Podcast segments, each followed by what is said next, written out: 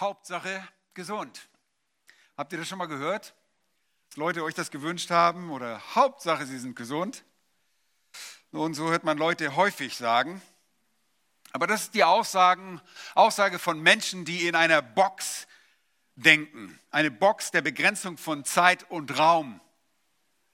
Sie kennen die geistlichen Realitäten nicht und sie sind blind für das Übernatürliche. Ohne Zweifel. Gesundheit ist etwas sehr Schönes, aber es ist nicht die Hauptsache. Diese Menschen sind beherrscht von einem naturalistischen Denken, in der kein Raum für den Schöpfer und Gott des Universums und dieser Welt ist. Nun, das Christentum hat mehr zu bieten als physisches Wohlergehen und Denken in einer Box. Es bietet mehr als Gesundheit. Das Christentum ist wohl dem Menschen nützlich, aber es dient in erster Linie der Ehre Gottes. Nun, was hat das Christentum, was hat das Christsein für einen einzigartigen Nutzen für diese Welt? Was bietet der Glaube an Christus der Welt? Ist es Liebe? Dass wir uns geliebt wissen und dass wir uns einander lieben? Nun, das ist sicherlich sehr schön, aber das ist nicht so einzigartig daran. Ist es die Gemeinschaft, die wir untereinander pflegen können? Dass wir tolle Freunde haben. Auch das ist sehr schön. Aber das ist nicht der einzigartige Nutzen. Es ist die Sinnerfüllung in unserem Leben, dass wir endlich etwas gefunden haben, wofür wir leben können. Auch da ist ein bisschen Wahrheit dran, aber das ist nicht die Einzigartigkeit des Nutzens, den wir aus dem Christsein bekommen. Ist es vielleicht Sorgenfreiheit? Was ist es? Nun, ihr Lieben, es ist Sündenvergebung. Und das ist die, das Einzigartige für das biblische Christsein. Das gibt es sonst nirgendwo. Sündenvergebung ist das dringlichste Anliegen für den Menschen. Und diesen kann nur das wahre Christsein gerecht werden. Das gibt es nur bei Christus und im Christsein. Der Mensch wird nicht wegen seiner begangenen Sünden eines Tages in die ewige Hölle verdammt. Das allein ist nicht wahr. Nein, er wird verdammt, weil ihm seine Sünden nicht vergeben wurden. Der Apostel Johannes schreibt, ihr wisst, dass er, dass es Jesus erschienen ist, um unsere Sünden hinwegzunehmen. Und in ihm ist keine Sünde. 1. Johannes 3, Vers 5. Im Psalm 32 heißt es, wohl dem, dessen Übertretung vergeben, dessen Sünde zugedeckt ist. Wohl dem Menschen, dem Jahwe keine Schuld anrechnet und dessen Geist keine Falschheit ist.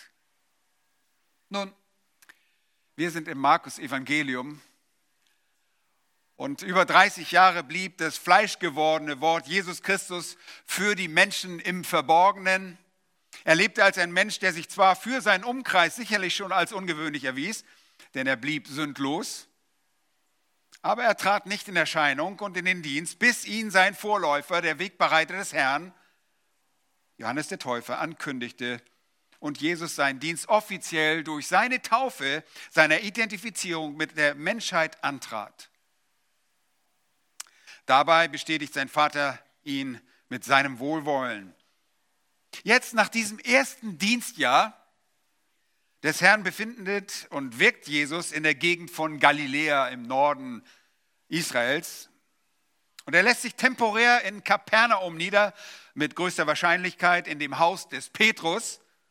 Und er verkündigt und lehrt in dieser Stadt und in den Gegenden, in der Gegend Galiläas, in verschiedenen Synagogen. Er verkündigt die frohe Botschaft. Und er lehrt vom Reich Gottes und gibt sich durch viele Zeichen und Wunder als der Christus zu erkennen. Nun, die Verkündigung war die große Macht und Mittelpunkt seines Dienstes. Und durch sein Wort wurden Menschen zur Wahrheit gebracht. Die Wahrheit sollte diese Menschen, wenn sie darauf nur mit Glauben antworteten, freimachen. Dieses Wort die eigentliche Kraft und alle Zeichen und Wunder dienten lediglich zur Bestätigung der Gottheit Christi. Nun, wir haben bereits im Dienst Jesu gesehen, dass er seine göttliche Macht unter Beweis stellte. Und wir haben ihn als hervorgehenden Sieger aus der Versuchung des Satans beobachtet. Wir haben ihn als den Souverän in der Begegnung mit den Weltbeherrschern der Finsternis dieser Weltzeit, den gefallenen Engeln, den Dämonen, die ihn auch sehr genau kannten, wahrgenommen und auch noch immer kennen. Und wir haben gesehen, dass er in diesen Gewalten, diesen Gewalten der Finsternis Einhalt gebot, sodass sie die Menschen, die sie besetzten, verlassen mussten. Und wir haben ihn gesehen als den, der die Macht über mancherlei Krankheit besitzt, ja sogar als der Sieger über Krankheiten, die eine kultische Unreinheit mit sich brachten. Erinnert ihr euch, bei unserer letzten Predigt haben wir die Reinigung des Aussätzigen uns angesehen. All diese Begebenheiten benutzt Markus selektiv. Er wählt sie aus, um seinem Evangelium einen thematischen Vorschub zu leisten. Wir wissen, dass Jesus noch viel mehr Zeichen und Wunder tat, aber die Welt der Bücher würde es nicht fassen können, davon zu berichten. Heute kommen wir gewissermaßen zu einem vorläufigen Höhepunkt im Dienst des Retterkönigs, nämlich zu dem einzigartigen Nutzen des christlichen Glaubens, der Vergebung. Alles wirkt darauf hin. Das Thema des Textes heute Morgen habe ich, heute Morgen ist gut, steht hier sogar, heute Nachmittag, sowas, Mensch, Druckfehler. Heute Nachmittag habe ich betitelt mit Halleluja, denn Jesus vergibt Sünden und erweist seine Vollmacht dazu. Ich glaube, das wird uns noch einige Monate anhängen. Halleluja heißt, preis den Herrn. Denn Jesus vergibt Sünden und erweist seine Vollmacht dazu. Lasst uns den Text zusammen lesen und uns auf diese Begebenheit genau konzentrieren. Selbst wenn einige von euch diese Geschichte bereits aus der Sonntagsschule kennen und ihr geneigt seid, nicht so aufmerksam zuzuhören. Bitte achtet darauf. Markus Kapitel 2, die Verse 1 bis 12. Und nach etlichen Tagen ging er wieder nach Kapernaum und als man hörte, dass er im Haus sei, da versammelten sich sogleich viele, so dass kein Platz mehr war, auch nicht draußen bei der Tür. Und er verkündigte ihnen das Wort und etliche kamen zu ihm und brachten einen Gelähmten, der von vier Leuten getragen wurde. Und da sie wegen der Menge nicht zu ihm herankommen konnten, deckten sie dort, wo er war, das Dach ab. Und nachdem sie es aufgebrochen hatten, ließen sie die Liegematte herab, auf welcher der Gelähmte lag. Als aber Jesus ihren Glauben sah, sprach er zu dem Gelähmten, Sohn, deine Sünden sind dir vergeben. Es saßen aber dort etliche von den Schriftgelehrten, die dachten in den Herzen, was redet dieser solche Lästerung? Wer kann Sünden vergeben als nur Gott allein? Und sogleich erkannte Jesus in seinem Geist, dass sie so bei sich dachten und sprach zu ihnen, warum denkt ihr dies in euren Herzen? Was ist leichter, zu dem Gelähmten zu sagen, dir sind die Sünden vergeben, oder zu sagen, steh auf und nimm deine Liegematte und geh umher? Damit ihr aber wisst, dass der Sohn des Menschen Vollmacht hat, auf Erden Sünden zu vergeben, sprach er zu dem Gelähmten, ich sage dir, steh auf, nimm deine Liegematte und geh heim. Und er stand sogleich auf, nahm seine Liegematte und ging vor aller Augen hinaus, sodass sie alle erstaunten, Gott priesen und sprachen, so etwas haben wir noch nie gesehen. Soweit der Text. Nun, diese wunderbare Geschichte, die sich sicherlich auch für Sonntagsschulen sehr gut eignet, ist sehr einfach zu verstehen. Es ist nicht so viel Schwierigkeit dabei. Und wir können wirklich sagen, Halleluja. Denn Jesus vergibt Sünden und erweist auch in diesem Text seine Vollmacht dazu, Sünden zu vergeben. Und da heißt es zunächst in diesem Text, in den Versen 1 und 2, und nach etlichen Tagen ging er wieder nach Kapernaum. Jesus war nämlich gerade unterwegs. Er hatte sich zurückgezogen in einsame Örter. Sein, durch seinen Dienst wurde er bereits bekannt gemacht, besonders durch jemanden, der sich nicht an eine Abmachung beziehungsweise nicht an das gehalten hat, was Jesus gesagt hat und ihn überall bekannt machte. Und er kehrte zurück nach Kapernaum, nachdem auch die verschiedenen Synagogen des Landes in Galiläa, meine ich, äh, besucht hat. Und er kommt zurück und als man hörte, dass er im Haus sei, und das ist wahrscheinlich das Haus des Petrus, da versammelten sich sogleich, das ist eine Textvariante im byzantinischen Text, finden wir dieses sogleich und bei Markus finden wir das überhaupt sehr, sehr oft, dieses sogleich, er ist unverzüglich da. Und die Leute sind unverzüglich da, es versammelten sich viele, sodass kein Platz mehr war, nicht, auch nicht draußen bei der Tür. Und dann sagt der Text, und er verkündigte ihnen das Wort. Hey, nicht schwer zu verstehen. Kurze Erklärung. Hier ist wahrscheinlich das Haus des Petrus, ein geräumiges Haus, in dem es auch aller Wahrscheinlichkeit nach einen Versammlungsraum gab, entweder im Erdgeschoss oder im zweiten Geschoss, was auch was wir kennen aus dem oberen Saal, wo sich auch Jesus und seine Jünger in Jerusalem versammelten. Die Architektur war gewöhnlich so, dass man auch ein Obergeschoss hatte. Kann auch gewesen sein, dann muss es auch ein drittes Geschoss gegeben haben, denn hier wird das Dach aufgedeckt, wie wir gesehen haben. Nun, zunächst einmal, Jesus offenbart sich. Er lehrt das Wort. Er verkündigt das Wort, heißt dort. Und das Wort meint in diesem Fall das Alte Testament. Jesus verkündigt das Wort, den Tanach. Tanach übrigens bezeichnet das Judentum die Bibeltexte, die sie für geltend sind. Das ist unser Altes Testament. Der Tanach besteht aus den drei Teilen der Torah, der Weisung, dem Gesetz, den Neviim oder Neviim, den Propheten und den Ketubim, den Schriften. Und äh, dieses TNK, was wir manchmal sehen in den Schriften, ist einfach nur ein Akronym für die Anfangsbuchstaben dieser Teile, Tanach. Dann hat man noch ein paar Vokale dazu, äh, dazu getan und deshalb hat man den Tanach. Und er lehrt daraus, aber dieses Wort, das Alte Testament, sind auch die Worte des Christus. Wir lesen Kolosser Kapitel 3 und da heißt es, lasst die Wort des Christus in euch wohnen. Das Wort Gottes ist das Wort des Christus. Jesus offenbart sein Wesen. Er verkündigt das Wort. Wovon redet das Wort? Das Wort redet von Gott. Also redet es von Christus. Denn unser Gott ist ein dreieiniger Gott. Das Wort, das er verkündigt, beinhaltet seinen ewigen Ratschluss. Es ist die Aufzeichnung der fortlaufenden Offenbarung des lebendigen Gottes. Es ist Ausdruck seiner Heiligkeit. Das Gesetz, die Forderung.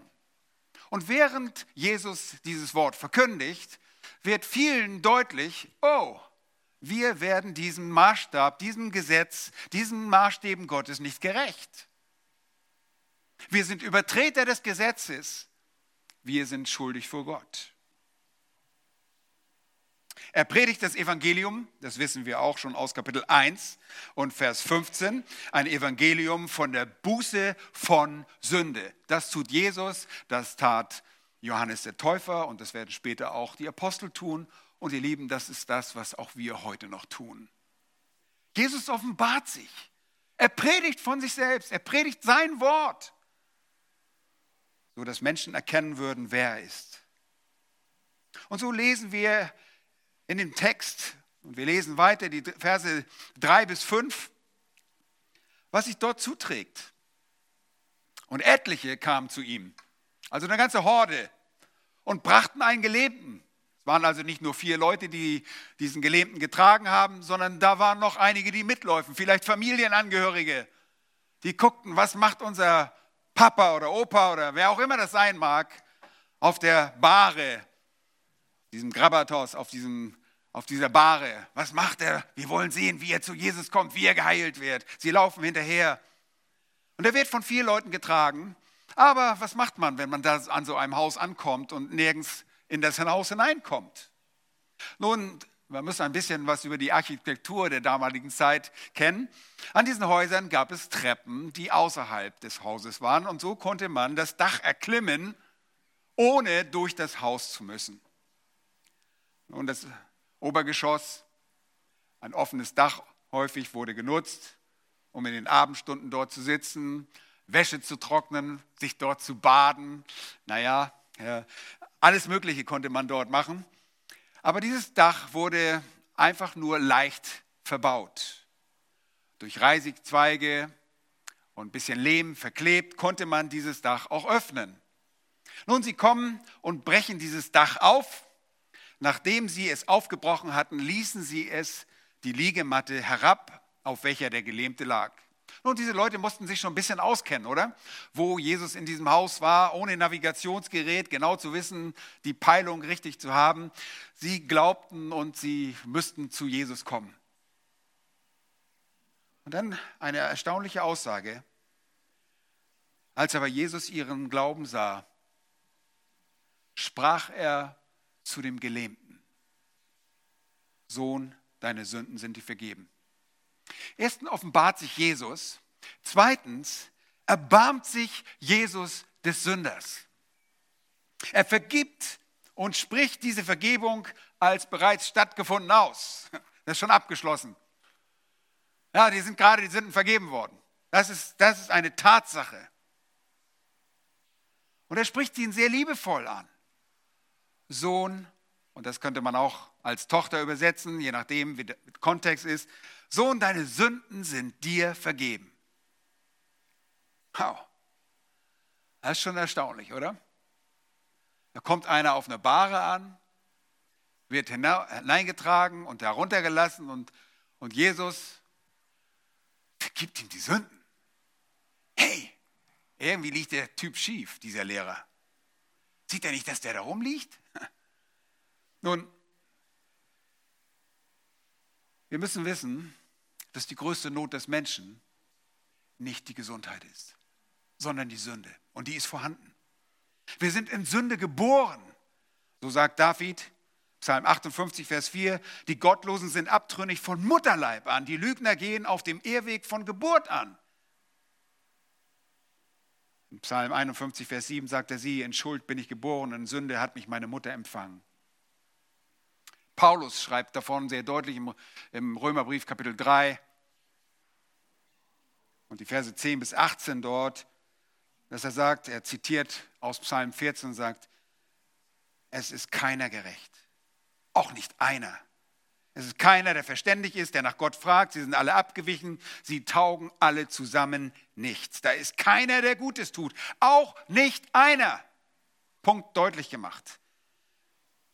Jetzt redet er von diesen Menschen. Und das sind keine Schwerverbrecher, sondern das sind Menschen, die auf die Welt kommen und ohne Gott leben. Und das sind wir alle. Ihre Kehle ist ein offenes Grab. Mit ihren Zungen betrügen sie. Otterngift ist unter ihren Lippen. Ihr Mund ist voll Fluchen und Bitterkeit. Ihre Füße eilen, um Blut zu vergießen. Verwüstung und Elend bezeichnen ihre Bahn. Und den Weg des Friedens kennen sie nicht. Es ist keine Gottesfurcht vor ihren Augen. Die Schlussfolgerung, die er dann ein paar Verse später zieht, ist die, dass alle gesündigt haben und die Herrlichkeit verfehlen, die wir bei Gott haben sollten. Römer 3, Vers 23. Nun, das Ergebnis dieser Sünden ist das Getrenntsein von Gott. Dieser Übertretung, dieser Zielverfehlung, und wir haben uns damit beschäftigt am Ende des Jahres, als wir uns Psalm 32 angeschaut haben. Es ist eine Zielverfehlung, es ist eine Übertretung der Gebote Gottes und das Ergebnis davon ist, dass Gott uns von sich stoßen muss, dass wir keine Gemeinschaft mit ihnen haben können. Das Urteil dieser Sünde ist über unserem Leben und es ist der Tod, die ewige Trennung. Weiter später in Kapitel 6 sagt Paulus, der Lohn, das heißt, das, was wir verdienen, ist für die Sünde, ist der Tod. Der Lohn der Sünde ist der Tod. Und das ist nicht der physische Tod, der geht mit dem geistlichen Tod einher, sondern der Tod ist der ewige Tod, die ewige Trennung Gottes. Aber horcht auf. Paulus fährt diesen Satz in diesem Satz fort in Römer 6, 23 und sagt, aber die Gnaden Gottes ist das ewige Leben in Christus Jesus, unserem Herrn. Ihr Lieben, hier kommt ein gelähmter Mann, gebracht von seinen Freunden, Familienangehörigen. Und Jesus stellt fest, er sieht ihren Glauben und er spricht ihnen die Vergebung zu.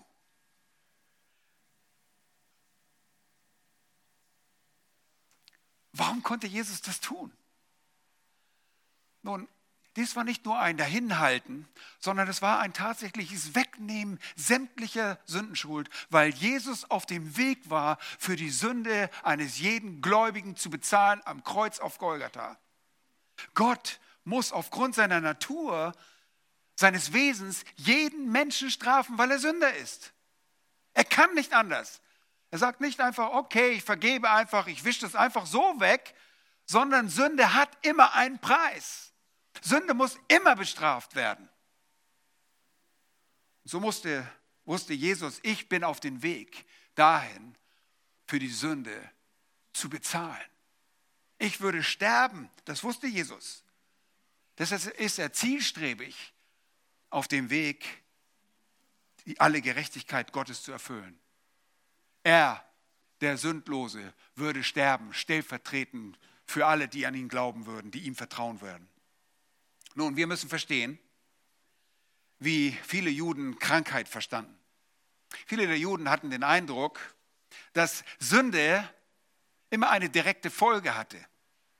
Und besonders schlimme Sünder wurden deshalb auch krank. Und die Kranken trugen damit auch ein gewisses Stigma, ein, eine Brandmarkung. Sie waren gebrandmarkt. Oh, du musst irgendwas ausgefressen haben. Erinnert ihr euch noch, als Jesus gefragt wird, in Johannes 9, bei den Blindgeborenen, wer hat gesündigt? Dieser oder seine Väter? Die Antwort ist niemand, sondern damit der Name des Herrn verherrlicht wird, er sollte verherrlicht werden. Aber das, dieses Denken war vorhanden. Aufgrund von Sünde erntete man entweder eine schwere Krankheit. Und so könnt ihr euch vorstellen, der Gelähmte kommt mit diesem Denken vielleicht selbst dort an und denkt, ich brauche die Vergebung meiner Schuld und als Konsequenz daraus werde ich gesund. Wenn meine Schuld weg ist, dann werde ich auch gesund werden.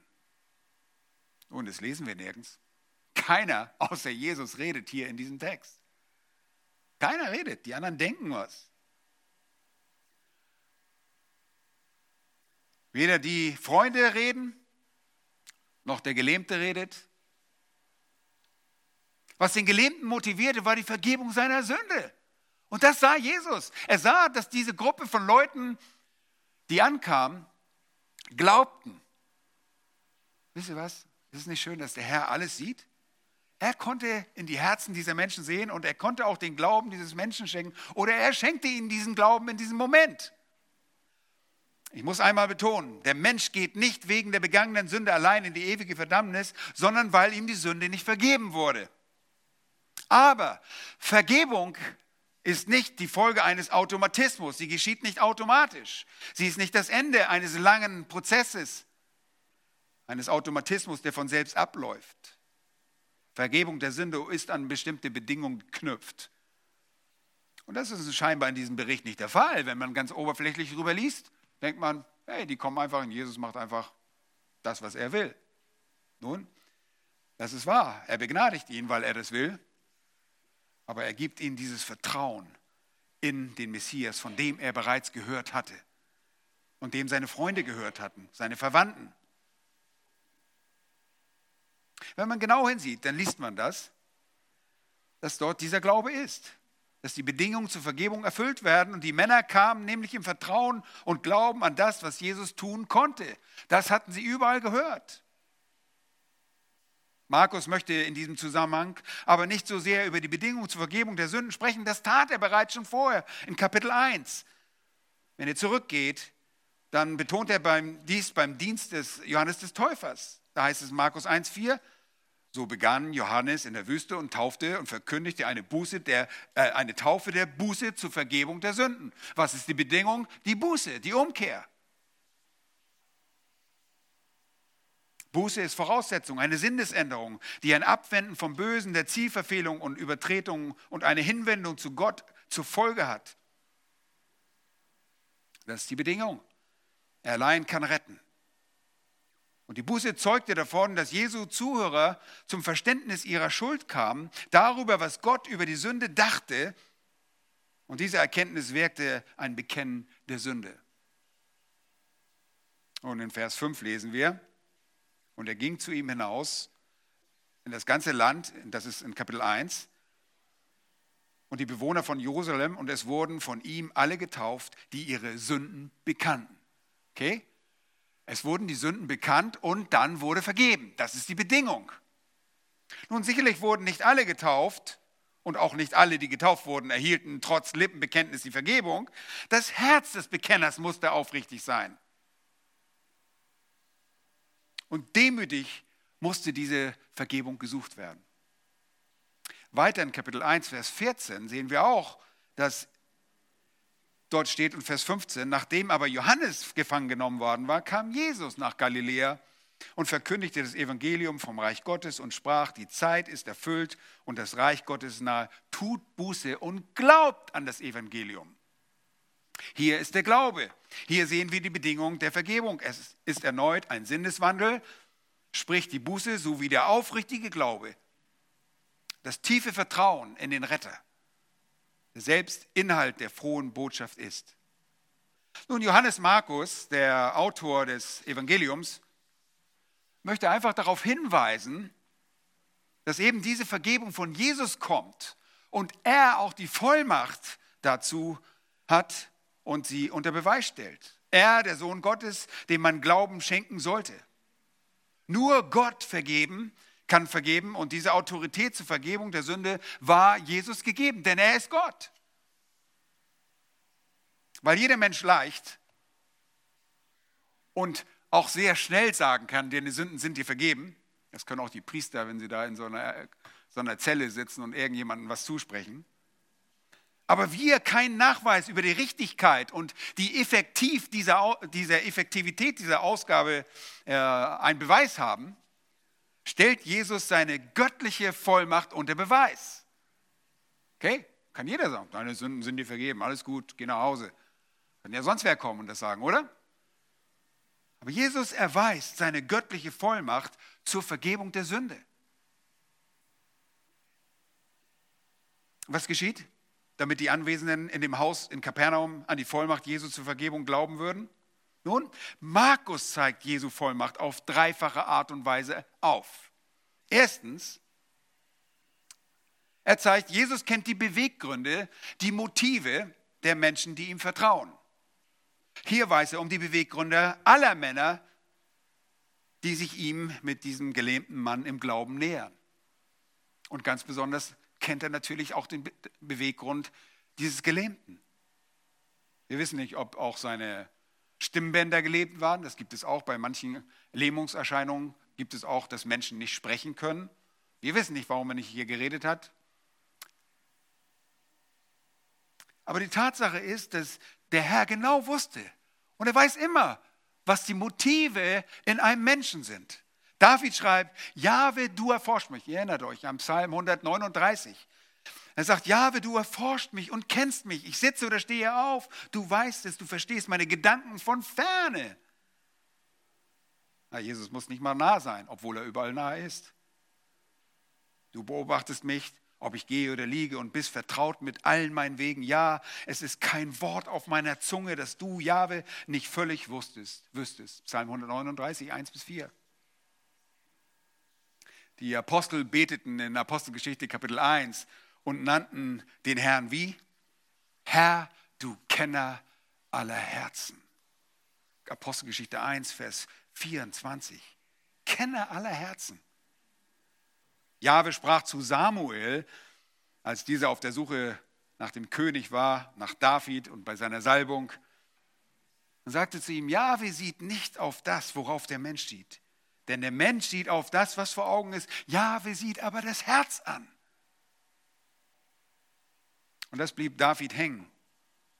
Und er macht seinem Sohn klar, bei den Anweisungen seines, äh, des Baus des Tempels sagt er zu Salomo, Du, mein Sohn Salomo, erkenne den Gott deines Vaters und diene ihm von ganzem Herzen und mit williger Seele, denn Jahwe erforscht alle Herzen und kennt alles Trachten der Gedanken.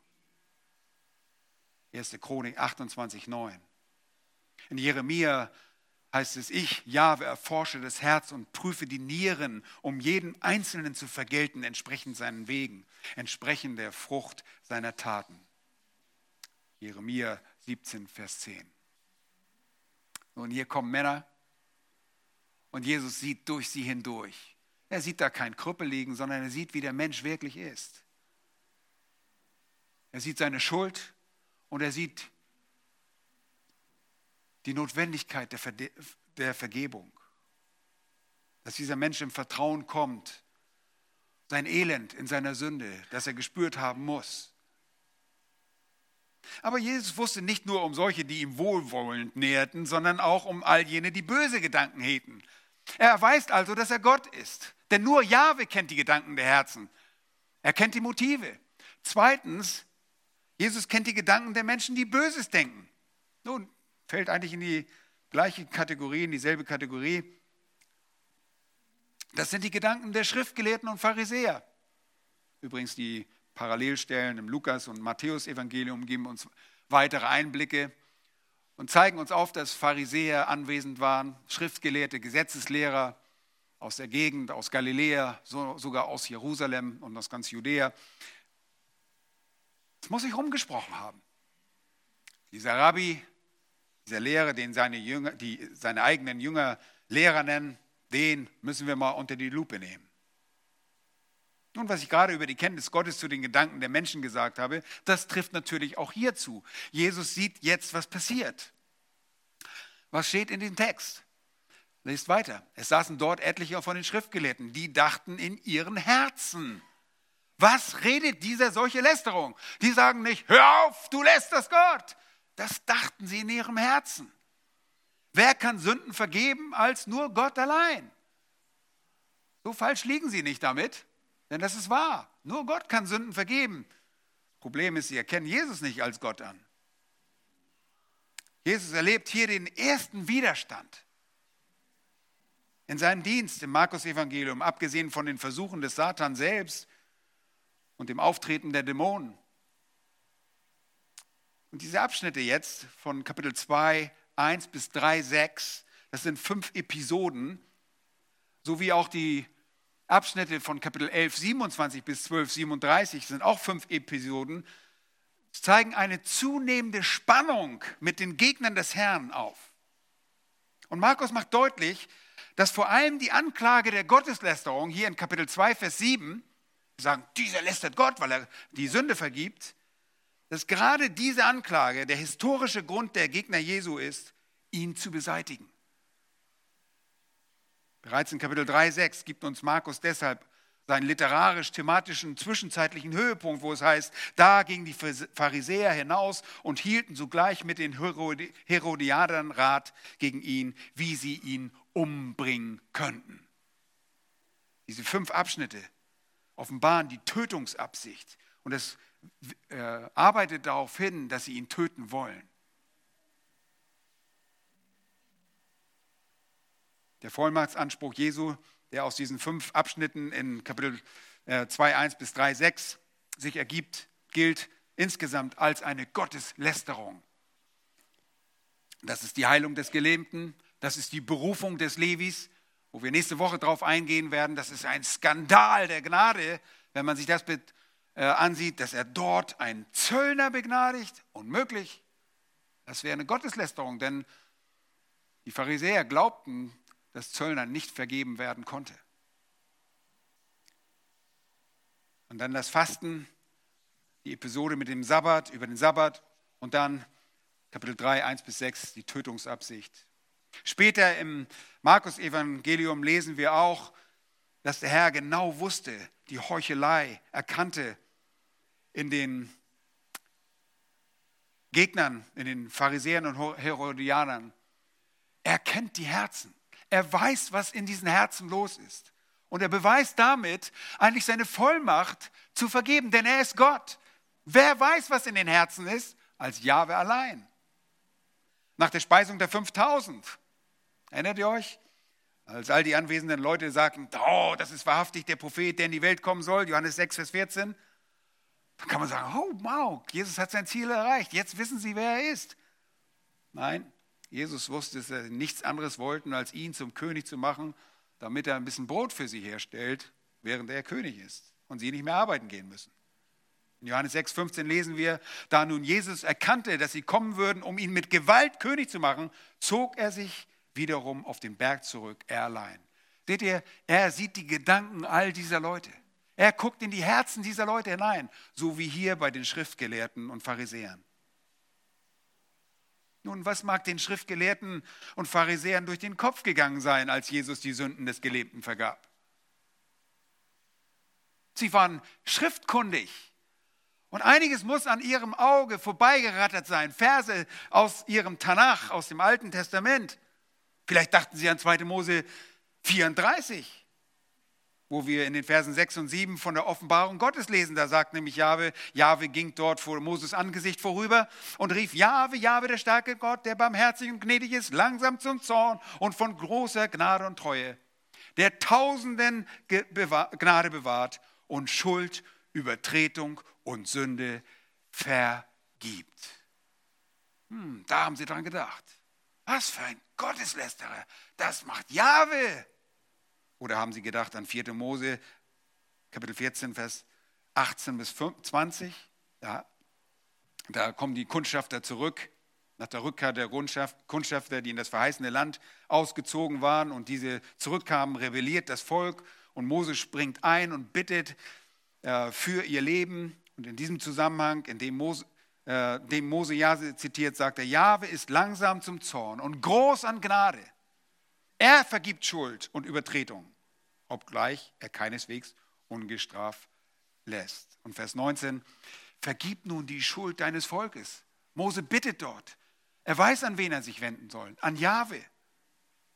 Vergib die Schuld deines Volkes nach deiner großen Gnade, wie du auch dieses Volk äh, verziehen hast von Ägypten an bis hierher. Vers 20, da sprach Jahwe, ich habe vergeben nach deinem Wort. Haben Sie daran vielleicht gedacht? Dachten die anwesenden Schriftkundigen vielleicht an Nehemia, Kapitel 9, 2 und 3? Dort steht, und der Same Israels sonderte sich von allen Kindern der Fremden ab und sie taten, traten hin und bekannten ihre Sünden und die Missetaten ihrer Väter.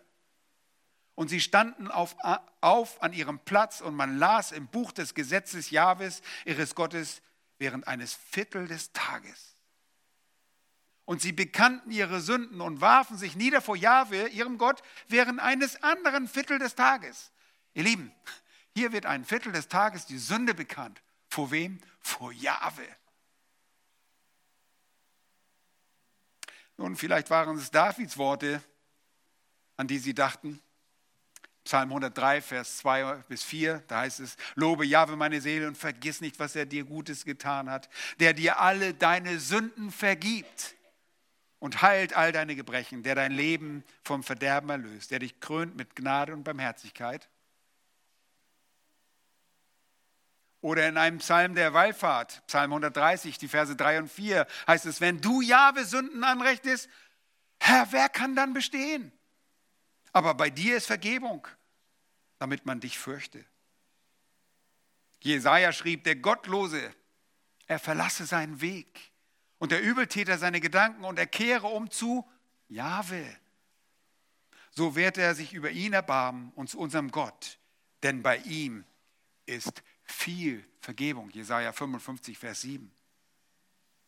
Im Propheten Hesekiel lesen wir die Worte Gottes über Jerusalem, nachdem Gott ihnen ihre schreckliche, äh, ich meine, dieses Kapitel ist wirklich nicht mal jugendfrei, ihre schreckliche geistliche Hurerei vorgehalten hat. Da heißt es in Vers 62 und 63, aber ich will meinen Bund mit dir aufrichten, denn du sollst erkennen, dass ich Jahwe bin, damit du daran denkst und dich schämst und vor Scham den Mund nicht auftust, wenn ich dir alles vergebe, was du getan hast, spricht der Herr Jahwe.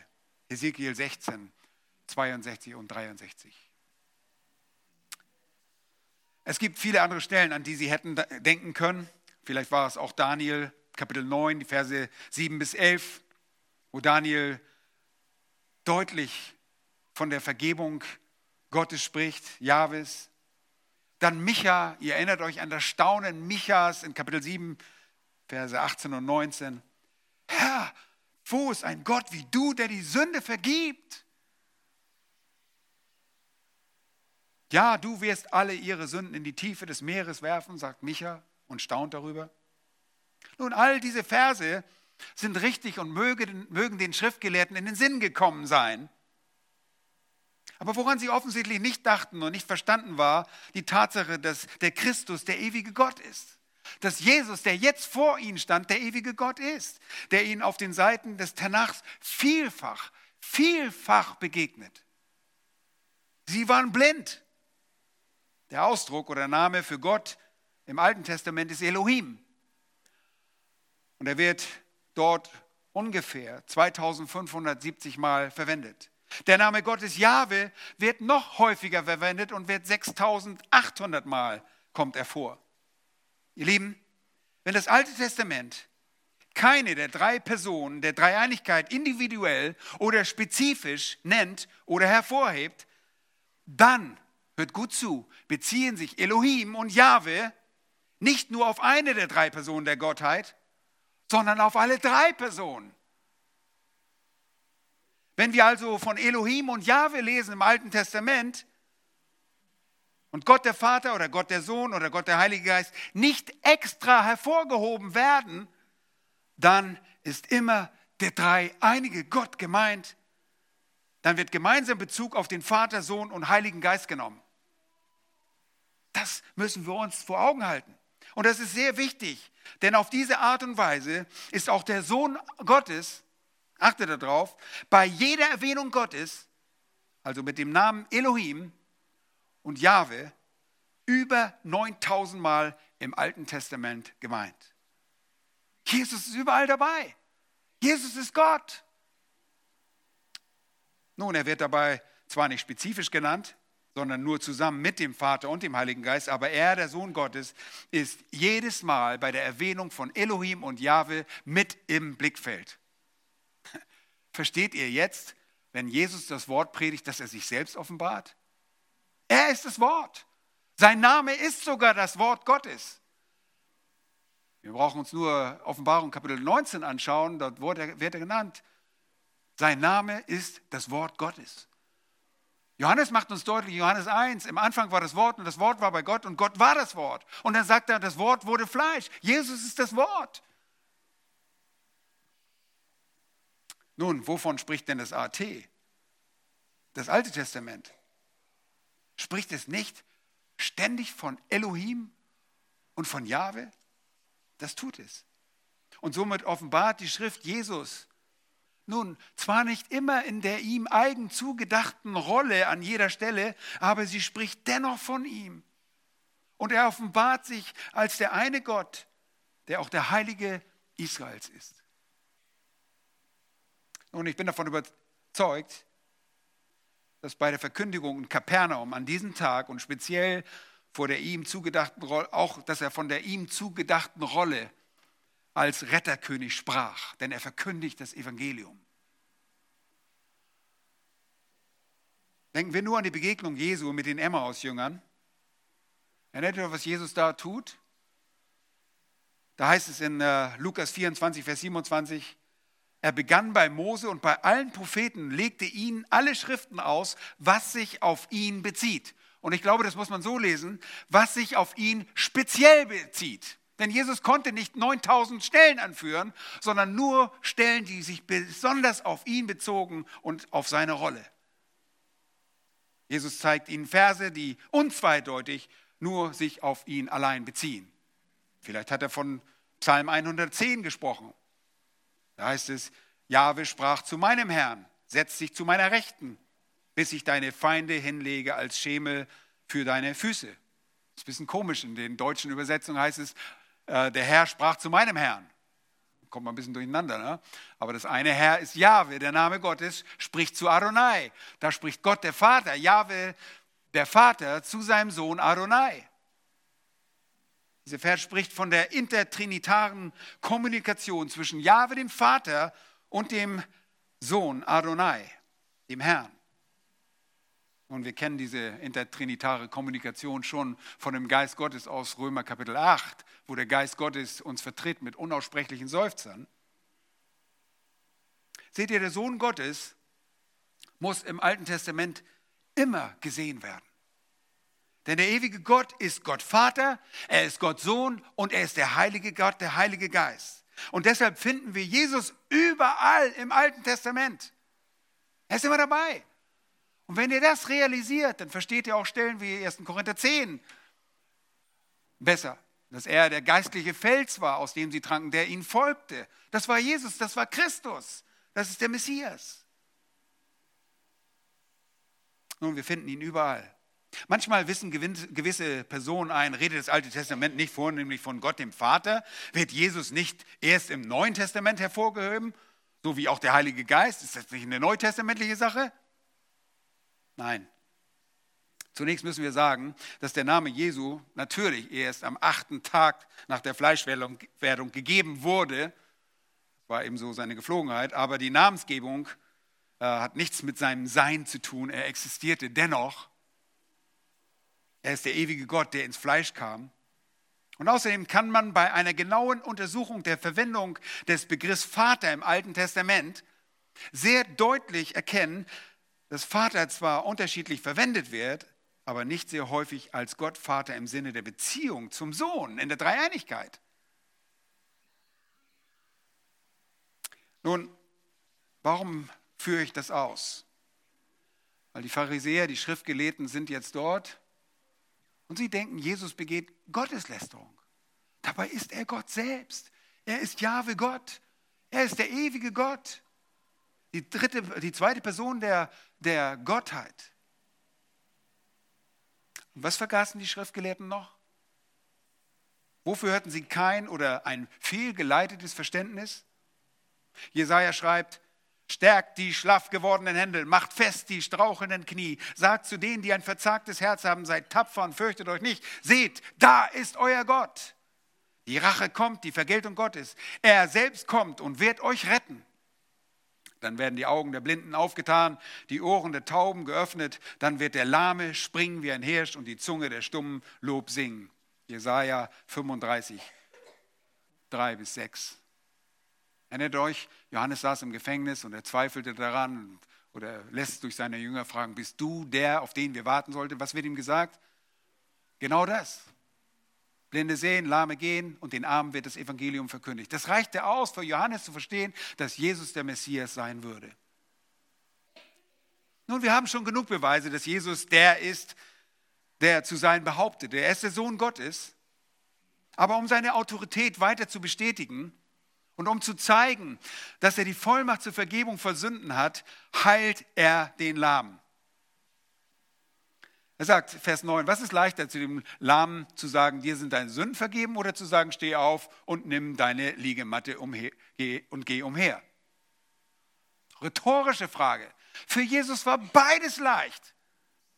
Beides, kein Problem. Damit ihr aber wisst, Vers 10, dass der Sohn des Menschen Vollmacht hat, auf Erden Sünden zu vergeben, sprach er zu dem Gelebten, ich sage dir, steh auf, nimm deine Liegematte und geh heim. Oh, es wäre jetzt zu einem riesigen Problem gekommen, wenn der Typ nicht aufgestanden wäre und nach Hause gegangen wäre. Aber der steht sofort auf. Vers 12. Er stand sogleich auf und nahm seine Liegematte und ging vor aller Augen hinaus. Leben, Jesus bestätigt seine Vollmacht und zeigt, dass er ein Anrecht und dass er das kann. Denn er sieht in die Herzen derjenigen, die ihn sich nähern. Das Vertrauen dieser Männer sieht er. Er sieht die bösen Gedanken der Schriftgelehrten. Und jetzt zeigt er ihnen, dass er die Macht hat, die Vollmacht über den ganzen Menschen. Nicht nur über die Seele, sondern jetzt über die Gesundheit des Menschen. Dieses kleinere Ding für Jesus ist doch jemanden gesund zu machen. Und das tat er. Er macht diesen Menschen gesund. Bis zu diesem Zeitpunkt hätte Jesus ja einfach nur sagen können und vielleicht noch ahnen können, was in gewissen Männern vor sich geht, die sich mit so einer Bahre aufmachen und zu ihm kommen. Man hätte diesen Glauben erahnen können. Und das Vertrauen darauf, dass sie Jesus auch als Gott anerkannten, das konnte man dieser Gruppe Menschen allerdings nicht ansehen. Denn auch andere Menschen kamen aufgrund der Ergebnisse, die diese Heilung von Jesus hervorbrachten. Die von ihm berührten Menschen waren alle tatsächlich gesund und er sprach sich rum und ohne Zweifel wurden sie hergestellt und das löste eine Euphorie aus. Nun, Jesus hätte vielleicht auch die Gedanken der Schriftgelehrten erahnen können, oder? Warum? Weil die machten auch sonst Scherereien, bereiteten ihm auch sonst Scherereien, obwohl das hier so ein Anfang ist. Übrigens, das erste Dienstjahr ist vorüber von Jesus, aber sie waren ihnen des Öfteren feindlich gesinnt. Aber jetzt kam der wahre Beweis. Sündenvergebung aussprechen, das konnten auch andere religiösen Menschen und das tun auch heute noch Menschen in allen möglichen Religionen. Das tun Menschen bis zum heutigen Tag. Auch in unseren fehlgeleiteten Kirchen tun sie das. Da werden Leuten die Vergebung zugesprochen. Die Vergebung auszusprechen, das ist einfach. Das sind nur ein paar Worte. Woher sollten die Anwesenden und der Beteiligte aber wissen, dass diese Worte eine, der Realität entsprachen, dass sie real sind und dass diese Vergebung eines Tages vor Jahwe, wenn er als Richter erscheinen würde, Bestand hat. Dafür liefert Jesus jetzt den Beweis. Nun, die Vollmacht dazu hätten diese Menschen schon an Jesu Lehre erkennen können, denn er lehrte wie sonst kein anderer Lehrer mit absoluter Autorität. Dazu gingen diesem Ereignis viele, sehr viele Wunder voraus.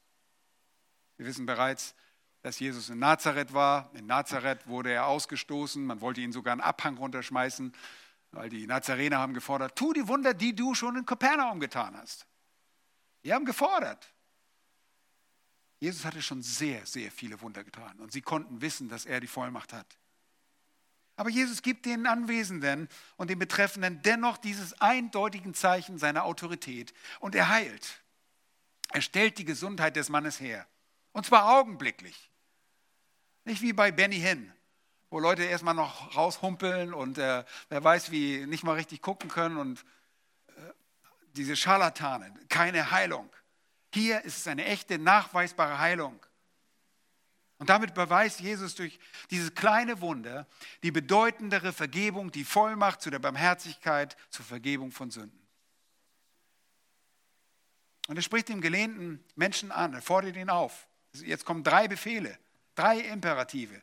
Steh auf, Nimm deine Liegematte, deinen Grabatos und sprich einen dritten Befehl noch aus. Geh heim oder geh umher.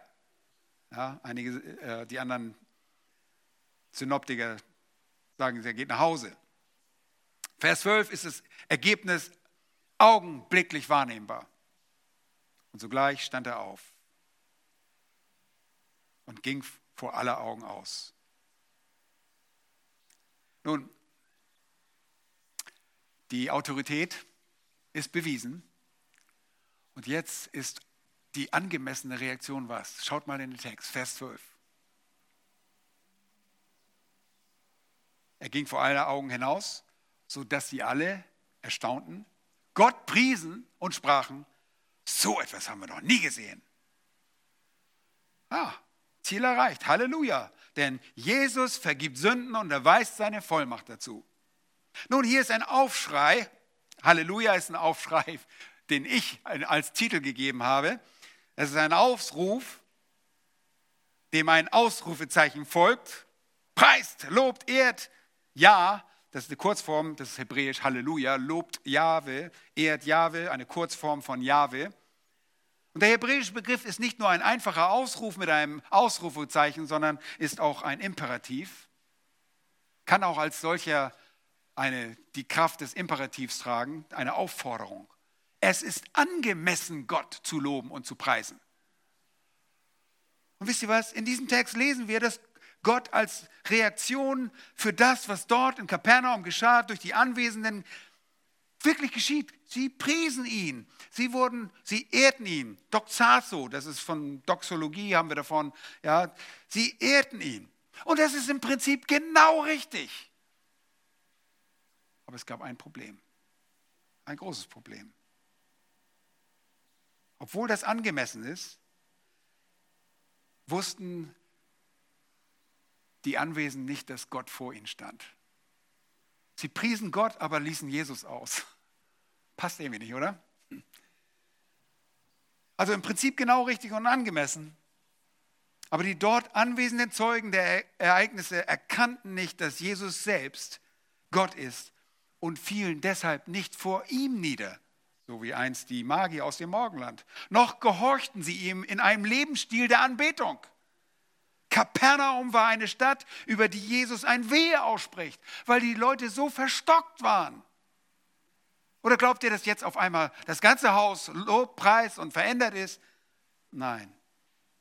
Jesus sagt, du Kapernaum, die du zum Himmel erhöht worden bist. Da spricht er, dass es eigentlich gleichsam dem Himmel erhöht worden ist, weil Jesus zu ihnen gekommen ist. Du wirst bis zum Totenreich hinabgeworfen werden.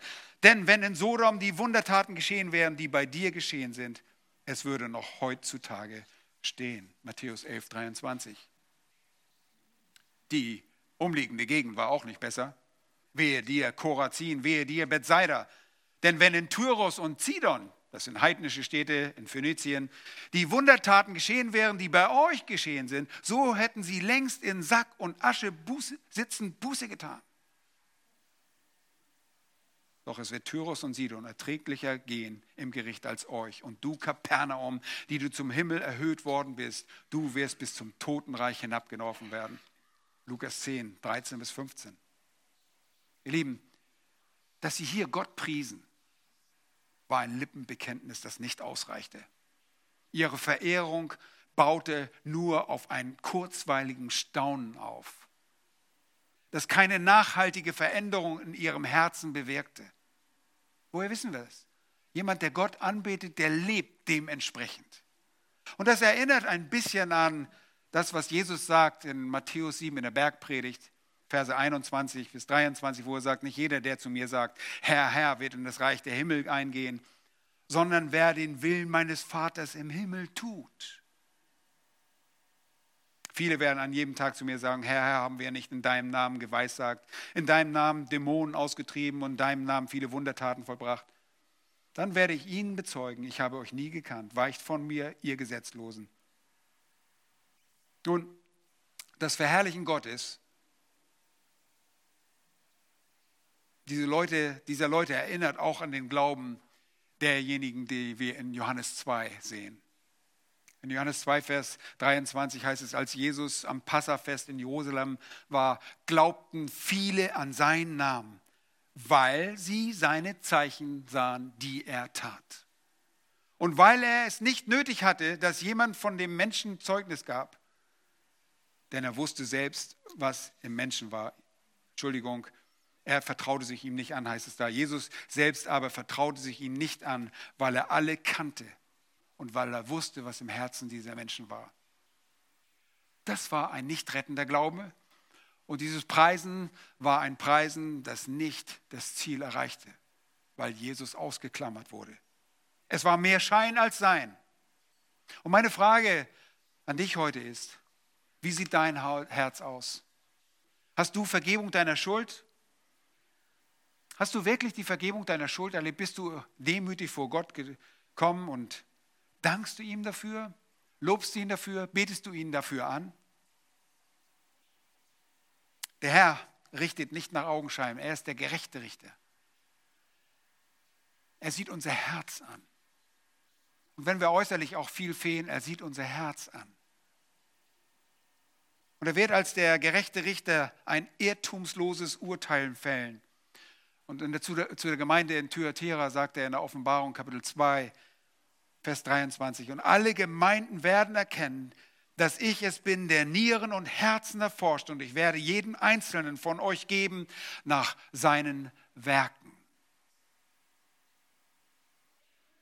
Lieben, wo ist euer Herz? Vergebung der Sünde und Anerkennung Gottes Anerkennung Jesu als den Sohn Gottes muss in eine angemessene Verehrung enden, muss darin münden. Und dieses hingegebene, diese hinge angegebene Messung, äh, Verehrung mündet in einem hingegebenen Leben. Und ich frage dich, lebst du für den Herrn? Lebst du wirklich für den Herrn? Das ist Wir müssen einfach zur Stille kommen. Und ich bin dankbar, dass wir noch das Mahl des Herrn zusammen feiern. Komm zur Stille und denk darüber nach. Lebst du tatsächlich auch für den Herrn? Oder hast du alle anderen Ziele in deinem Leben und der Herr ist irgendwie so eine Hinzufügung, dein Ticket, das dir vielleicht den, dein, deine Fahrt in den Himmel noch garantiert? Oder lebst du nur für dich selbst? Betrügst du dich selbst? Nun, Jesus ist so barmherzig. Und ich sage, preis den Herrn, denn er vergibt Sünde. Und er hat sich erwiesen als der, der es kann. Gott vergibt Sünde und Jesus ist Gott. Ist es nicht wunderbar? Wenn uns das nicht zum Lobpreis führt, wenn es nicht uns dazu führt, erinnert ihr euch noch, wie wir Psalm 32 beendet haben, zum Kreischen und Jubeln, zum lauten Schreien, weil wir so freudig darüber sind, dass alles genommen worden ist. Jede Sünde vergeben. Übrigens, als Jesus hier diesen Mann vergab, da hat er nicht gesagt, okay, die letzten 20 Jahre deines Lebens oder wie alt er auch immer gesagt, das ist jetzt vergeben. Also pass auf, dass du nicht wieder neue Sünden an. Nein, das bedeutet, die, die Sünden sind ein für alle Mal weg. Wenn Jesus deine Sünde getragen hat am Kreuz auf Golgatha, ist sie ein für alle Mal bezahlt. Es gibt keine Verdammnis mehr für die, die in Christus Jesus sind. Warum? Weil Jesus dafür ans Kreuz gegangen ist. Er hat den Lohn bezahlt. Er hat den Zorn getragen. Er hat gesühnt. Vergebung der Sünde, Sünde bedeutet nichts anderes als Gerechtsprechung, Erlösung. Dieser Mann wurde erlöst. Welch große Barmherzigkeit. Lasst uns Gott die Ehre geben.